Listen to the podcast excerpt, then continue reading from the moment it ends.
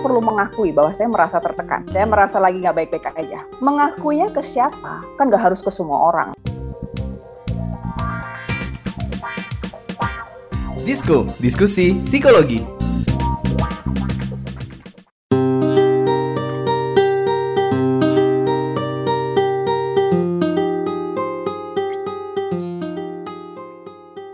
Halo Warriors, selamat datang kembali di podcast Disko Diskusi Psikologi persembahan kantor berita Radio KBR bersama komunitas Into the Light Indonesia. Hapus stigma, peduli sesama, sayangi jiwa. Balik lagi bareng gue bicara kali ini gue lagi sama Don seperti biasa. Tapi lo apa kabar nih Don? Gue udah lama gak ketemu lo nih Don. Di tahun baru ini kayak gue baru pertama kali ketemu. Ya iya ya, tahun Hmm, baru kita baru ini ketemu ya ya, Bijar ya. Iya. Baik, baik. Alhamdulillah, puji Alhamdulillah. Tuhan. Gue masih baik-baik saja. Lu gimana, Bijar? Baik baik. Meskipun ppkm lagi naik lagi ya. Mm-mm, naik lagi. Aduh, ya terus Aduh, tetap ini, semangat ini. lah ya. Jadi nih Don, lu pernah gak sih? Lu ngerasa pura-pura baik aja padahal lu lagi nggak baik-baik aja. Dan lu berusaha nutupinnya. Apalagi ditambah kondisi yang kayak sekarang ya kita mungkin kalau sekarang lebih gampang gitu. Kita jarang interaksi sama orang. Tapi ketika harus sama interaksi sama orang gitu lu pernah nggak berusaha kelihatan buat baik-baik aja? Pura-pura baik. Ya pernah lah. Ya kan? Gue apalagi kerjaan gue itu penyiar gitu loh. Orang pen- oh iya iya, ya kan? Yang denger gak pengen tahu kalau gue tuh lagi bad mood lagi sedih lagi apa. Yang penting suara gue keluar ceria aja ya kan dan Pen- penyiar harus smiling face gitu ya Oh iya suaranya ya. dong, smiling face gitu kan. Ada bakat aktor juga sih sebenarnya. Tapi kayaknya harus hati-hati sih Don. Soalnya memaksakan buat senyum ketika sedih itu ternyata beresiko menjadi sebuah gangguan mental yang disebut manic depression Don. Hmm. Jadi ingat Joker ya kalau ngomongin ini ya. Ya Joker, cuman Joker kan emang dia udah ada gangguan yang buat dia ketawa terus ya. Iya. Cuman kalau ini mungkin ya di bawah levelnya Joker lah. Tapi lu mention tadi bahaya. Bahayanya gimana sih? Ya karena yang kita tadi kita bilang tentang Joker itu Don, Ah. kan Joker mempresentasikan sosok dengan apa ya? Smiling depression, orang selalu tersenyum, yang seolah wajahnya itu selalu bahagia. Padahal ya lagi depresi, lagi banyak masalah gitu. Hmm, oke. Untuk lebih jelasnya kita akan ngobrol bareng psikolog yang udah bersedia nemenin kita ngobrol di podcast Diko kali ini. Ada psikolog klinis dewasa dari Fakultas Psikologi Universitas Indonesia, Nirmala Ika. Hai Kak Nirmala. Halo Kak Nirmala. Ya, halo Mas Don, halo Mas Bizar. Apa Apa kabar? kabar? Baik, Baik, baik, baik. Baik ya. baik, sehat semua ya. Amin. Nah, sebelum Mm-mm. kita lanjutkan ngobrolin dengan Kak Nirmala, kami minta maaf Mm-mm. dulu buat pendengar kalau kualitas audio tidak prima karena kita ini rekaman dari rumah masing-masing karena Ya, PPKM rumah. sudah naik lagi, ya kan? Untuk menjaga keberlangsungan hidup bersama-sama gitu ya. Hmm. Oke, tadi kita sudah ngobrolin soal tawa terpaksa untuk Mm-mm. eh, nutupi tangis. Tadi Bijar sudah nanya juga nih Kak Nirmala. Kalau Ya. gue itu kan penyiar ya Kak Nirmala ya. Ha-ha. Jadi Mhm. pendengar itu nggak pengen tahu kalau gue tuh lagi sedih, lagi bad mood Mhm. gitu. Yang tahunya gue tuh harus ceria, harus suara yang keluar itu dari smiling face. Oke, Ya. bisa Hmm. dijelasin dulu nih Kak Nirmala, apa itu smiling depression? Oke, ya, eh smiling depression itu sebenarnya saat ini belum bisa dibilang ini ya, belum terdiagnosa sebagai gangguan klinis ya. Dalam Hmm. arti itu belum dokter tuh nggak akan diagnosa kita smiling depression, depresi aja iya gitu kan, tapi tidak smiling depression. Tapi fenomenanya mulai ada, eh, maksudnya fenomenanya ada dan kemudian itu juga akan menjadi masalah sebenarnya buat kita yang Hmm. mengalami depresi ini gitu ya. Maksudnya yang dengan kemudian tetap yang seperti kayak Don bilang harus menampilkan senyum terus gitu ya, harus bahagia terus which is padahal sebenarnya dalam hati itu hancur berkeping-keping kayak gitu kan. Nah, jadi si Kenapa gitu, sih Don perlu mendesak gitu Don? jadi ya bisa dibilang smiling dep- eh, smiling depression itu lebih kayak kayak gitu loh bahwa kita sebenarnya punya gang, punya masalah, kita punya depresi gitu ya, kita ada gangguan depresi, tapi kita tidak bisa menampilkannya, tidak bisa menampilkannya secara genuine lah ya bisa dibilang gitu. Ah. Memang tidak melulu depresi itu tidak melulu identik dengan bahwa kita harus melo, kita harus sedih, nggak melulu begitu. Mhm. Tapi kemudian bahwa kita tidak bisa menampilkan the real apa yang kita rasain, jadi tetap harus berusaha ya tadi berusaha baik-baik aja, berusaha tersenyum itu itu yang kemudian dari disebut dengan smiling depression. Oke, kalau ciri-cirinya gimana nih, eh Kak Nirmala? Kalau dari nama udah jelas ya. Iya, iya benar. ciri-cirinya apakah adalah- seperti gue atau gimana? Nah. Gimana? Aduh. Ciri-ciri sebagai gini, ciri-ciri sebenarnya ciri-ciri depresi pada umumnya dalam arti gini, akan ada perubahan perilaku, ada Ah, perubahan Oke. perubahan selera makan itu yang itu kan ya Ah. akan ada mungkin kehilangan berat badan akan ada susah tidur gitu tapi kemudian kira udah susah tidur susah bangun juga gitu. Kira udah bisa tidur susah bangun juga. Kayak mau bangun tuh berat banget ngadepin ya Allah gitu kan ke Mhm, depan nih nggak mau ini gitu kan ya. Kemudian ada kehilangan minat pada hal-hal yang biasa kita berminat kayak gitu. Jadi eh ah, itu tapi eh, tampilannya biasa aja. Jadi orang nggak ngeliat kalau misalnya orang kita tiba-tiba bad moodnya berubah gitu ya terus kemudian dia begitu kan dia mungkin akan aware. Kenapa ya? Kok moodku jelek kemudian aku juga kehilangan nafsu makan jadi kita mungkin akan langsung aware orang lain juga akan langsung aware ini orang nggak ngeliat ya lu kayak lu tuh biasa-biasa aja tetap ceria-ceria aja nothing happen tapi kok pelan-pelan gitu berat badan berkurang gitu kan ya. Terus ya kayak gitu eh, tadinya lu bisa tadinya kita suka buat olahraga tiba-tiba jadi males gitu setiap diajak temen olahraga bareng ada aja seribu satu alasan yang kayak gitu-gitu. Jadi ada perubahan yang kayak gitu nah sebenarnya kayak gitu gitu sih. Jadi yang dan itu yang membuat sering kali kenapa makanya disebut bahaya tadi Mas. Bizar sempat bilang ini bisa bahaya. Ini kenapa? Karena kitanya sendiri kadang nggak aware kalau kita butuh bantuan udahan. Karena kan kita ngerasa baik-baik aja. Tapi kalau ditanya lo ada apa sih? Nggak ada apa-apa gitu kan. Tapi munculnya dalam bentuk-bentuk perilaku kayak tadi gitu. Nah, kalau pemicunya sendiri tuh apa kan Nirmala? Pemicu atau triggernya? pemicunya pemicunya sih Hmm. macam-macam ya pemicunya maksudnya adalah Sama yang kayak depresi biasa ya? Iya, sebenarnya pemicu itu kayak depresi biasa. Dalam arti ya stres dalam kehidupan yang tidak dikelola dengan Hmm. baik ya, yang kita biarkan terus menumpuk gitu kan. Tidak dikelola, tidak dicoba di solve problem, di solve juga, ya akhirnya makin beban kan.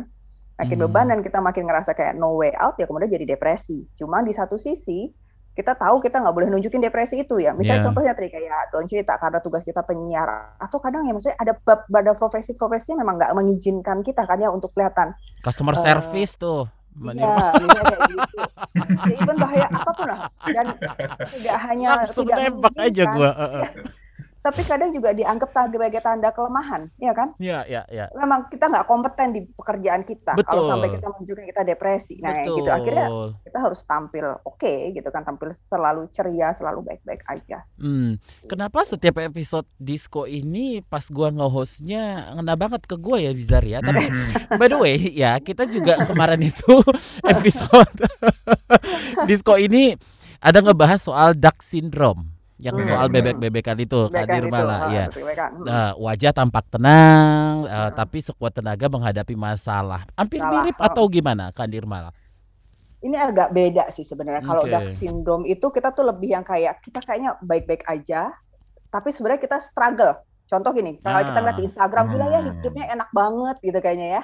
Gitu kayak, wah ke mana-mana dia traveling pergi-pergi mulu misalnya gitu Kerap ya. Terjadi wah, di ibu kota ya. Yoi. Terus kita lihat kayaknya enak ya dia dinner-dinner mulu gitu. Orang jadi lihatnya enak Waduh. ya. Ya. Padahal dia struggle buat itu. Let's say lah ya dia maksudnya untuk bisa traveling mungkin dia harus kerja keras. Orang jam 5 pulang dia mungkin jam 10 malam atau bahkan jam 12 malam Ya. kayak gitu ya. Mhm. Untuk bisa ngerjain itu semua tuh dia oh ya betul untuk achieve itu bisa orang bilang enak ya karirnya cepet banget naik. Iya, kayak gitu baik. Dia banting tulang, orang udah tidur dia masih belajar, masih apa misalnya kayak gitu.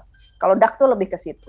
Bisa, Oh. apakah dak bisa mem- membuat ke depresi? Iya bisa, bisa aja. Tapi tidak dalam dak sindrom ini kita belum. Maksudnya kita tidak melihat selalu menjadi akan tidak selalu depresi gitu loh.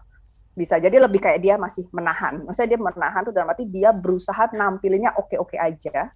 Padahal di dalamnya ya berantakan gitu kan maksudnya kayak gitu. Dalamnya dia struggling atau ya misalnya gitu mungkin banyak hutang gitu kan ya atau apa pun untuk menampilkan kesannya hidupnya baik-baik aja. Mungkin banyak pay later gitu ya untuk Iya, gara-gara betul. liburan gitu. Benar, benar, benar dia nggak tahu setiap bulan mungkin ada yang nguber-nguber gitu kan ya mbak atau mas tolong dibayar gitu. Oh, tapi bedanya di situ ya Kak Nirmala ya. Gitu. Mm. Nah, Kak Nirmala, sebenarnya Hmm. seberbahaya apa sih smiling depression? Apakah sama kayak depresi Oh. seperti biasa?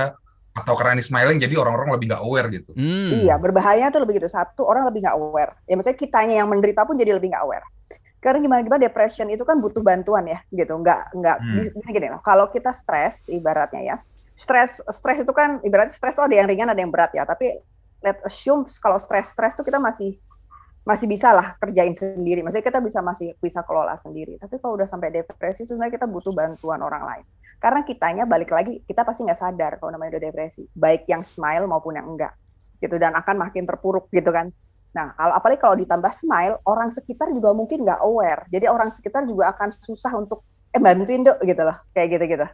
kalau misalnya kelihatan kan kan udah lihat gila nih temen gue kayak udah depresi deh kayak udah dia ngapain yuk kita coba gimana dia gitu kan ketika si orangnya nggak aware itu satu kemudian kedua ini terkait juga dengan gini sering kali depresi itu mengarah pada keinginan bunuh diri Hmm. ketika kita sudah frustasi kan dengan diri kita cuma kan nah kadang somehow bunuh diri itu kan sebenarnya gimana gue but- ada usaha ya gitu kan ya kadang ketika depresinya terlalu berat kita nggak punya tenaga buat mikir jadi ibarat kata tidak tidak ada tenaga juga untuk mikir harus gimana cara yang lakuin kayak gitu-gitu loh. Nah, ketika kita smiley, kita kan masih bisa berfungsi. Eh, orang ngeliatnya masih berfungsi kan, kayak kita masih tetap bisa kerja kayak gini-gini dan kita juga ngeliatnya kita masih berfungsi gitu. Sehingga kita punya tuh punya tenaga untuk mikir ngapain ya gitu ya, apa yang harus kulakukan yang gitu-gitu gitu. Nah, itu jadi makanya itu jadi lebih berbahaya juga kan gitu. Balik ketika pertolongannya terlambat, kemudian dianya sendiri ada- punya tenaga untuk attempt gitu. Itu kan jadi lebih beresiko ya kayak Hmm, gitu. Oke. salah satunya. Well, seru banget obrolan kita tapi sebelum berlanjut kita break dulu ya. Disko, diskusi psikologi. Oke Google, cariin apa yang lagi trending sekarang dong. Yang lagi viral, yang lagi hits. Aduh kamu ini tahunya cuma nyur doang Lah, dia nolak. Aku bilangin Siri nih. Ya sudah-sudah jangan ngambek dong Kamu cukup buka KBR Prime titik ide Lalu cari what's trending Semua dibahas tuntas dengan narasumber yang kredibel Jadi bisa buat referensi kamu Wah iya nih, keren banget ya. Setiap hari lagi. Betul, dari Senin sampai Jumat Jangan lupa hanya di KBR Prime titik ide Atau di aplikasi podcast lainnya Makasih ya Mbah Google. Hei kamu ini, saya masih gadis, kenapa dipanggil mbah? KBR Prime, podcast for curious mind. Come on yo Buat yang sukanya berhoax You better listen to this one. Check this one out yo. Hati-hati kalau baca kabar Hoax, Jangan langsung disebar kabar yang hoax, Kalau mau tahu kabar benar atau hoax, Dengerin cek fakta yang pasti Bukan hoax, Dengerinnya setiap Senin yang jelas Bukan hoax, Cuma ada di kbrprime.id. Dan aplikasi podcast lainnya hoax, Sudah cukup-cukup hoaxnya? hoax. Cukup Jaga emosi, tahan jari, verifikasi sebelum dibagi. Saya Ari Bowo Sasmito, Ketua Komite Pemeriksa Fakta Mafindo. KBR Prime, podcast for curious mind. Disko, diskusi psikologi. We're back. Kita lanjutin lagi nih obrolan soal smiling uh, depression masih bersama Kanir Masih Malaika. dengan Kanir Mala pastinya. Mm-mm, dan juga Abizar dan juga Ya. gue Don di sini ya. Kanir Mala, apakah seseorang yang tertekan itu ya harus Mhm. menunjukkan bahwa dirinya tertekan? Oke, balik lagi ke persoalan yang tadi. Kalau Ya. soal masalah pekerjaan gitu loh, Kanir Mala tadi sudah Iya iya. iya. eh, eh, singgung, ya lu nggak profesional berarti gitu, gitu loh. Ya gimana caranya kita kalau harus curhat ke tetangga agak repot ya. Nah, gitu loh. Apakah seseorang yang tertekan itu harus menunjukkan bahwa dirinya ya emang gue lagi tertekan gitu loh.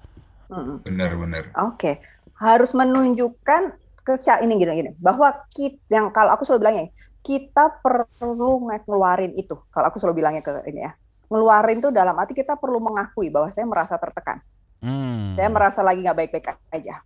Mengakuinya ke siapa? Kan nggak harus ke semua orang. Kayak Ya. kamu penyiar kan kamu nggak harus di publik sih. Eh saya tertekan loh. Gitu.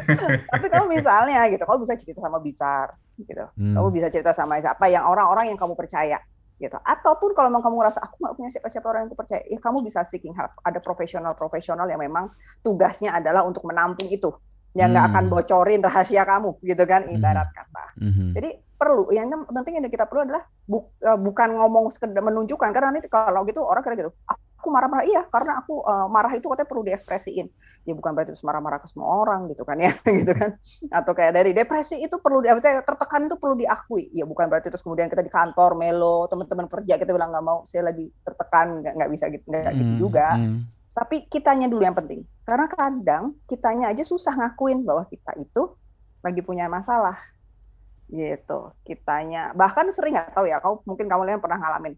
Kalau pernah dengar kalau di, sering kata burnout, Ya, gitu, burnout ya kan? Itu ya sekarang lagi ngetin juga. sering Orang banget. burnout Mhm. biasa aja nggak sadar dia burnout. tapi kita yang di sekitarnya tahu dia tuh marah-marah mulu. Gitu kan? Jadi dia, mungkin kalau dibil- kalau ditanya "Eh, coba mbak mungkin emosinya nggak usah ditekan. Enggak saya marah-marah kok. Kalau teman saya nyebelin saya marah. Tapi dia tetap nggak ngakuin dia burn out. Gitu. Yang dia yang harus kita lakuin itu dulu kita harus ngakuin dulu. Saya menyadari dulu oh saya memang lagi ada persoalan. Saya ada sesuatu nih gitu. Ada yang mengganjel di saya entah itu rasa marah entah itu rasa sedih entah itu frustasi atau apa pun lah ya.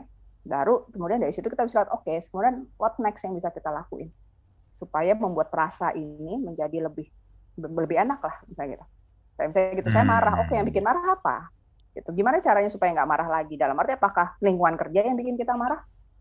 Apa kita kerja di tempat yang memang bisa dibilang toksik misalnya kayak gitu so kan kita kemudian setelah menyadari kita mengakui perasaan kita kita menyadari kondisinya kita bisa bikin pilihan kan? Hmm. kita mau tetap di situ yang berarti adalah tutup mata sama si toksik itu gitu kan ya? Ya, itu kita bisa keluar gitu kan? Atau kita bikin perubahan misalnya gitu memang gitu kan? Kita bikin meng- apa, mengusulkan ada perubahan di kantor atau apa pun.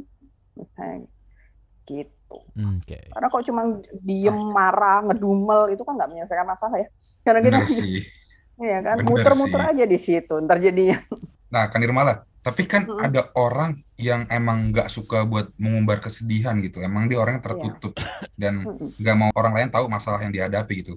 Kalau itu termasuk smiling depression juga atau emang salah satu ciri-ciri orang depresi atau ya emang dia begitu aja orangnya? enggak emang ada orang-orang yang karakter karakternya begitu sih karakternya tertutup ya maksudnya dia memang nggak Hmm. suka cuma bukan berarti yang tadi kan intinya adalah dia ngakuin nggak dia punya perasaan dia mau ini kan nah cara-cara lain untuk mengakui dan mengeluarkan itu kan banyak.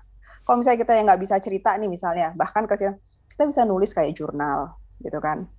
Atau kita bisa Hmm. diem aja sebenarnya diem ngamatin aja emosi kita. Jadi bukan bukan nggak harus meditasi ya tapi cuma kita diem aja ngamatin emosi kita. Oh apa sih yang aku rasain gitu ya. Itu rasanya amatin aja rasanya ada di mana.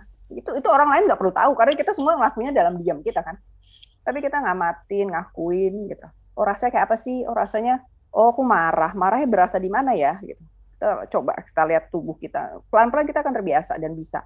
Kalau memang ini gitu. Nggak apa duduk ngamatin itu akan membantu. Jadi itu juga udah bantu kita ngelepasin sebenarnya. Balik lagi nggak harus nggak harus cerita gitu loh. Karena memang ada orang-orang yang nggak bisa cerita mau dipaksa sampai gimana pun dia nggak bisa cerita gitu kan. Bener, tapi bener bukan sih. berarti dia nggak bisa ngeluarin gitu. Dia bisa cara lain atau lewat lukisan gitu. Bisa lewat lewat gambar. Karena aku nyuruh klien-klienku juga gitu kan. Kalau nggak saya nggak bisa nulis mbak. Gambar. Gambar tuh nggak harus gambar bagus. Mainin warna aja gitu kan. Ekspresiin bayangin emosi kamu tuh kalau diubah dalam bentuk warna-warnanya apa keluarin aja semua. Coret-coretan ya nggak apa-apa. Kan bukan kita bukan lomba menggambar gitu kan. Bukan bagus-bagusan. Kayak gitu Banyak media Iya, sebenarnya ya banyak. kan Nirmala ya. Jadi nggak alasan juga kalau kita tidak meluapkan apa yang kita rasakan gitu ya. betul Terus ada juga Bener, bener. ada juga banyak yang bilang begini Mbak, itu eh, apa namanya ada lirik lagu juga yang bilang hadapi dengan senyuman gitu ya. Apa pun yang kau lalui Ya. hadapi Hadapi. dengan senyuman ya kan. nah, satu sisi benar satu Yes. sisi jadi toksik ya Nah itu yang pengen saya tanyakan nih Kadir Malah Kalau ada yang meyakini bahwa dengan tersenyum maka pikiran kita akan terstimulasi menjadi lebih ceria Walau di tengah kegalauan membuncah depresi yang gak ada habis-habisnya Iya. Salah atau benar Betul. atau gimana Kanir Malah nah Positive thinking aja dulu ya. Nah positive thinking ya. Jadi ini ini ini juga ini yang perlu di ini ya. Berpikir positif itu baik gitu ya. Harus dalam arti kalau misalnya let's say lah ya kita ngelihat kalau kita cuma berfokus pada masalah itu kan juga kayaknya hidup berat bener gitu ya. Ya. So kita mencoba melihat apa sih di behind the scene atau apa sih yang menarik itu positif itu oke. Tapi untuk keterus-terusan bersikap positif sampai mengabaikan perasaan kita sesungguhnya itu jadi beda, udah, udah beda hal lagi tuh hmm. Misalnya gitu. Jadi ya tadi dalam arti marah tidak bisa kita marah sama seorang kan tidak berarti harus kita mencak-mencak di depan orang itu gitu. Nah, kalau tadi pertanyaannya baik lagi apakah eh, tersenyum itu membuat pikiran kita jadi lebih baik? Iya, karena kalau kita ngomong soal koneksi antara pikiran dengan tubuh. Gitu kan ya. Iya, iya. Pikiran kita itu mempengaruhi tubuh kita banget sebenarnya. Kebayang ketika kita lagi bad mood, pasti badan kita juga kayak malas buat diapa-apain gitu kan. Hmm. Mal- malas bergerak, malas loyo, malas gini gitu kan. Malas bergerak gitu. Makin kita malas bergerak, pikiran kita pasti makin bad mood Ya. gitu. Nah, tapi nyuruh pikiran kita nggak bad mood kan nggak gampang ya. Nggak bisa cuma suruh eh happy dong, dia akan langsung happy pasti nggak gitu kan. Yang bisa kita paksa emang badan kita akhirnya.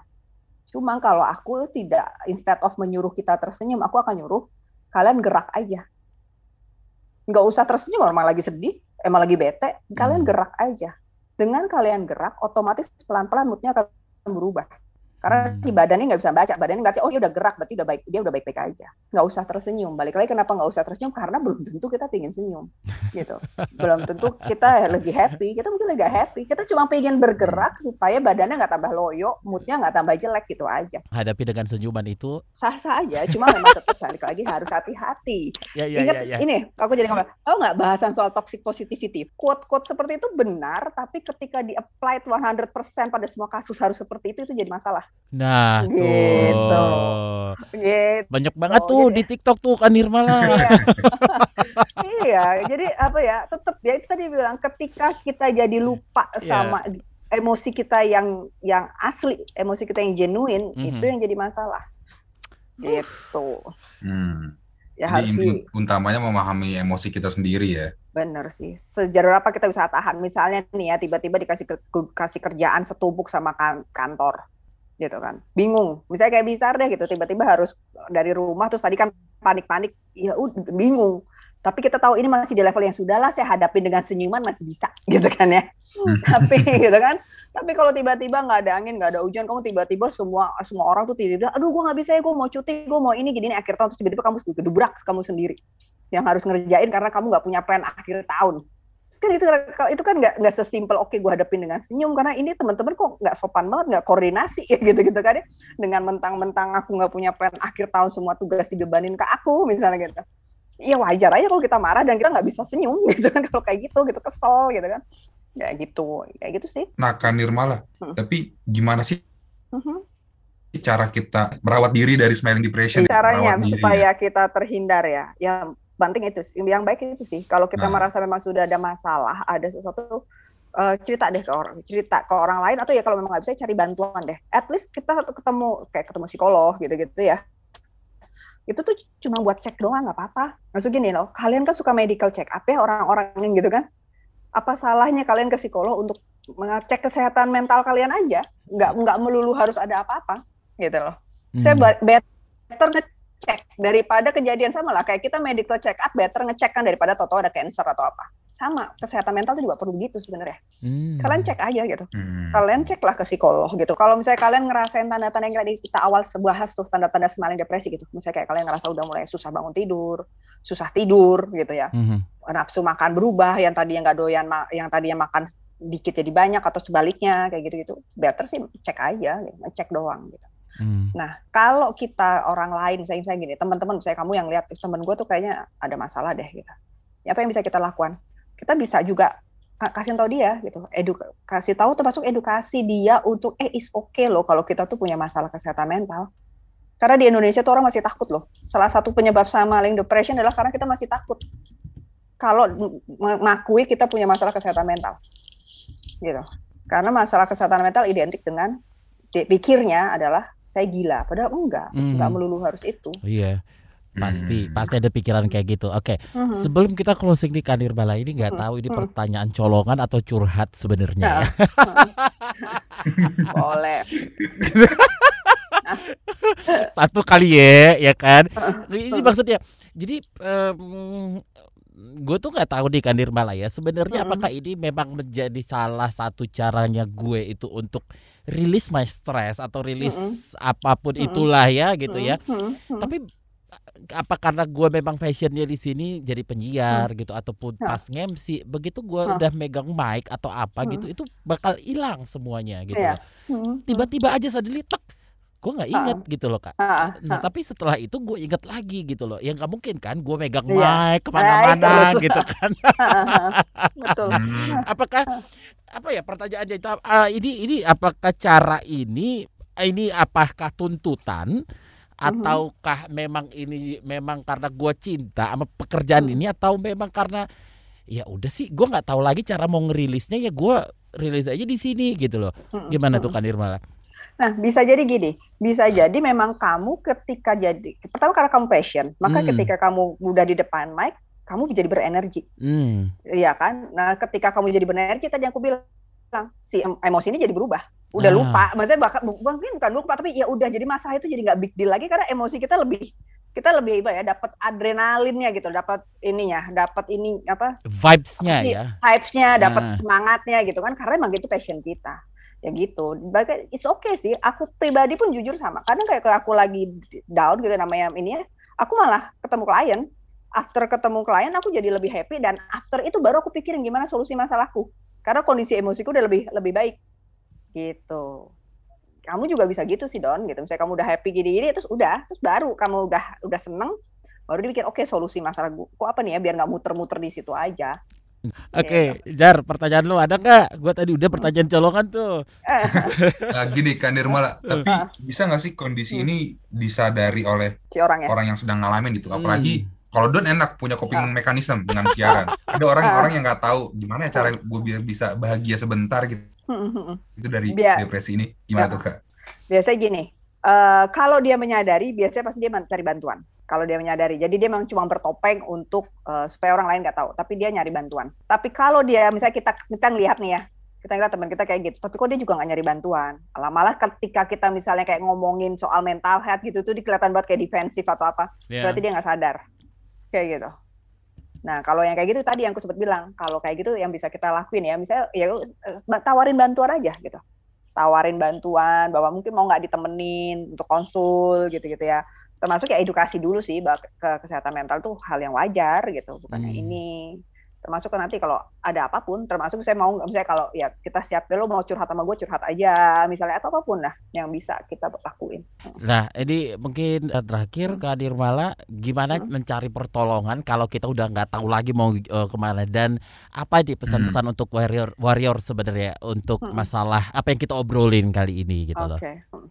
Kalau pesanku adalah kalau kita memang udah nggak tahu, cari deh profesional. Jangan Ya. self diagnose. Sekarang kan apa ya bacaan-bacaan tuh ya kayak acara-acara gini soal kesehatan mental tuh banyak banget ya kan. Pakai itu sebagai kayak self check aja. Oh, aku udah perlu cari bantuan apa enggak ya? Tapi jangan self diagnose. Dalam arti untuk itu pergilah cari bantuan. Kalian bisa ke psikiater, bisa ke psikolog gitu kan ya atau kan bahkan sekarang juga ada di online itu ya di Instagram gitu untuk konsul-konsul online kayak gitu tuh tapi cari bantuan gitu untuk cek sebenarnya kondisi saya gimana saya apakah saya baik-baik aja atau memang sudah perlu bantuan lebih lanjut dan kayak gitu dan perlu melakukan apa gitu untuk Hmm. membuat supaya tidak jadi makin terpuruk gitu kan ya tadi yang supaya depresinya ya nggak makin makin parah nggak makin ini gitu.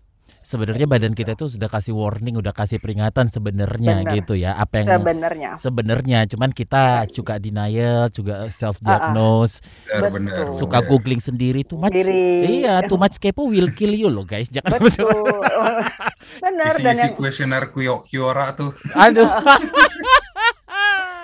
Kemudian jadi justifikasi ya buat saya kan begini karena begini. Nah, Masalahnya muter-muter aja deh. Kak Dirmala terima kasih sudah bersedia untuk sharing pengetahuannya tentang smiling depression di episode kali ini ya Kak Dirmala Oke. ya. Ah, Thank you Kak sama-sama. Nirmala. Sama-sama. Mudah-mudahan membantu ya. Ya. Oke. Dan terima kasih juga buat kamu yang sudah mendownload dan mendengarkan podcast ini. Dengan mendengarkan podcast ini, semoga kita bisa membantu menghapus stigma di masyarakat, lebih peduli terhadap orang-orang di lingkungan sekitar, dan tentunya jangan lupa juga untuk selalu menyayangi jiwa sendiri. Sampai ketemu lagi di podcast episode selanjutnya. Dengarkan di kbrprime.id ya. Gue Don. Gue Bijar. Pamit undur diri dulu. Bye-bye. Disko, diskusi psikologi.